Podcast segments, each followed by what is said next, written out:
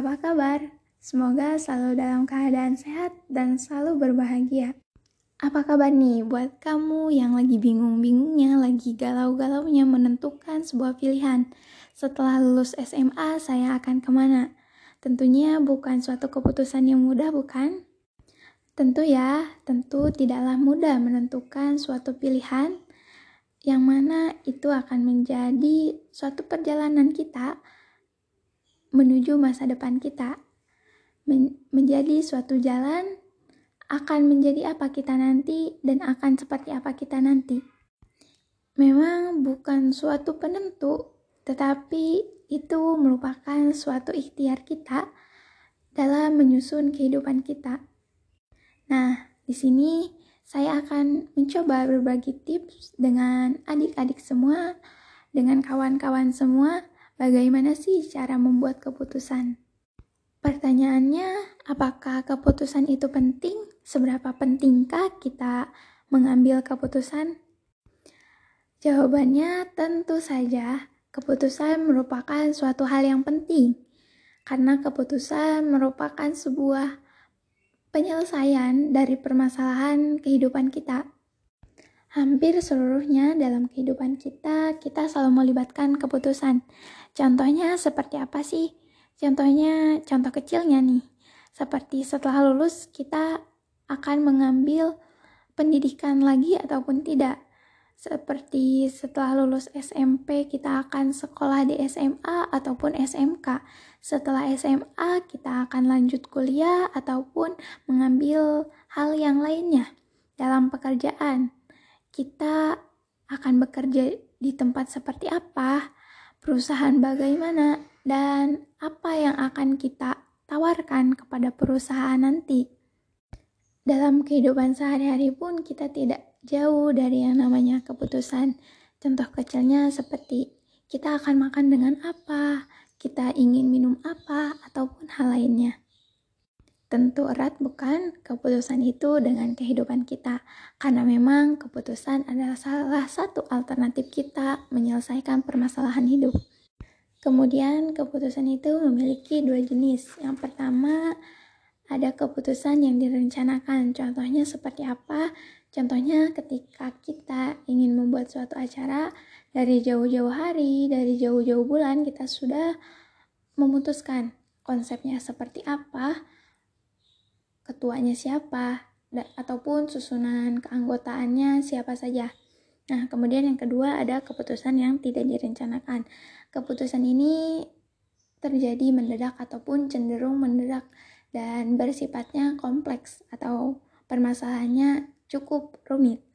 Contohnya seperti Menteri Pendidikan tahun kemarin ketika di Indonesia e, mengalami pandemi Kemudian Menteri Pendidikan mengambil keputusan untuk meniadakan UN dan uangnya disumbangkan kepada tenaga medis ataupun korban yang mengalami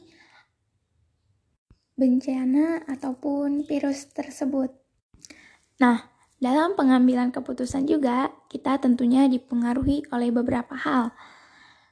Yang pertama ada intuisi. Apa sih itu intuisi? Intuisi merupakan perasaan yang kita miliki ataupun perasaan yang timbul saat kita menghadapi sesuatu.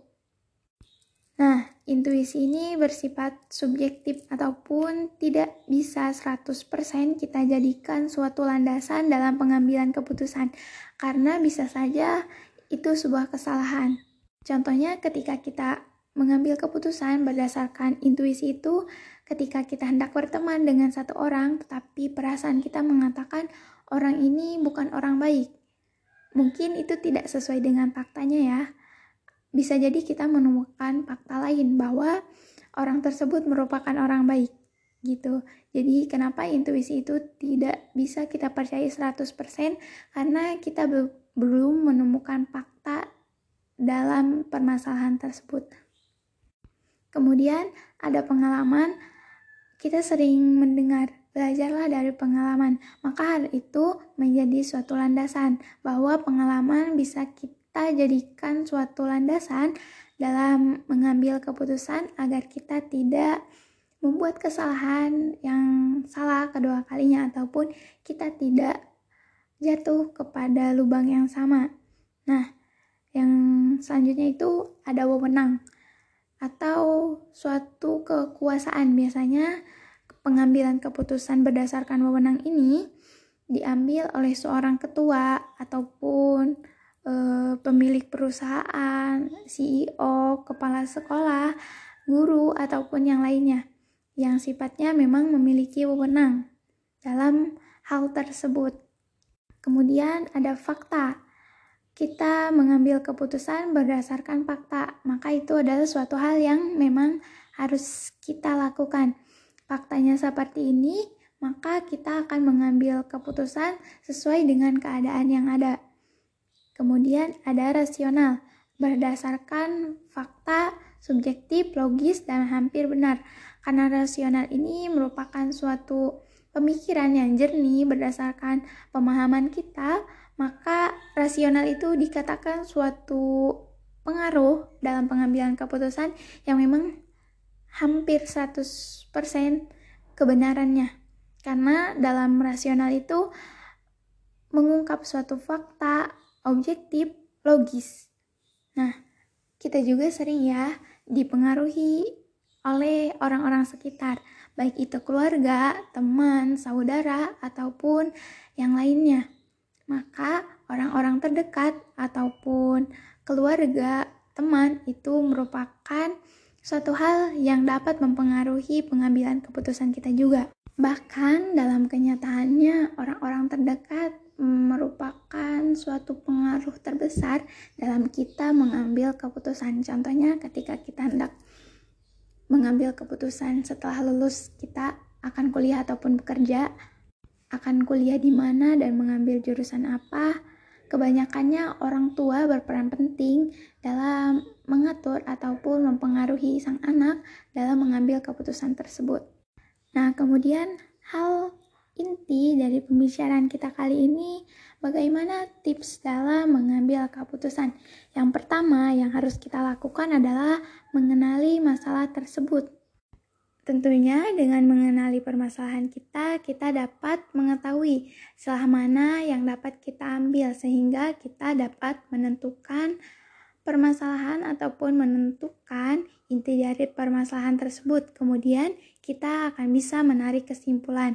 Nah, yang kedua, kita bisa melihat permasalahan itu dari dua sisi, antara sisi kanan dan sisi kiri, ataupun kita melihat permasalahan itu tidak hanya dari satu sisi saja, tetapi kita harus melihat permasalahan itu dari semua sisi, sehingga tidak akan terjadi miskomunikasi ataupun kesalahan komunikasi kita dalam memahami permasalahan kita, sehingga nantinya akan timbul suatu akan muncul permasalahan di akhir.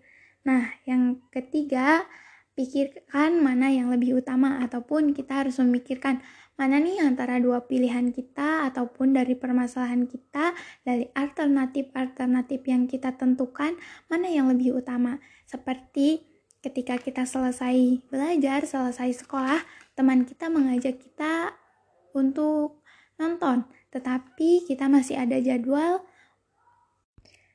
jadwal untuk belajar karena besok ada ulangan. Setelah beberapa pertimbangan, kita memutuskan untuk tetap belajar di rumah dan tidak mengikuti teman kita karena ulangan besok ataupun belajarnya merupakan suatu prioritas kita.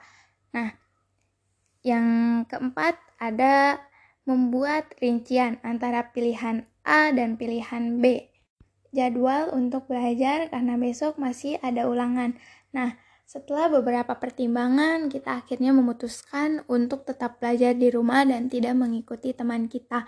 Karena hal itu menjadi suatu prioritas kita, ataupun belajar merupakan suatu prioritas kita. Nah, yang kemudian buatlah rincian setelah kita memiliki pilihan A atau pilihan A dan B ataupun C kita membuat rincian mana dari antara pilihan tersebut yang memiliki resiko. Contohnya ketika kita hendak memilih memilih uh, universitas ataupun kampus saat kuliah.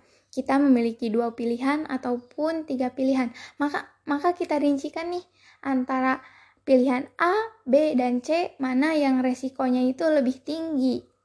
Setelah selesai dengan rincian kita dan kita menemukan pilihan mana yang resikonya cukup sedikit, memang ya setiap keputusan itu memiliki resiko tersendiri ataupun Pertanyaannya bagaimana ketika semua pilihan kita memiliki resiko yang sama besarnya? Maka kita bisa melihat kembali mana yang terbaik untuk kita. Misalkan ketika kita memilih memilih kampus A dan kampus B, kita mengetahui kampus A itu memiliki jarak yang dekat dari rumah, tetapi kampus B lebih jauh dari dari rumah kita.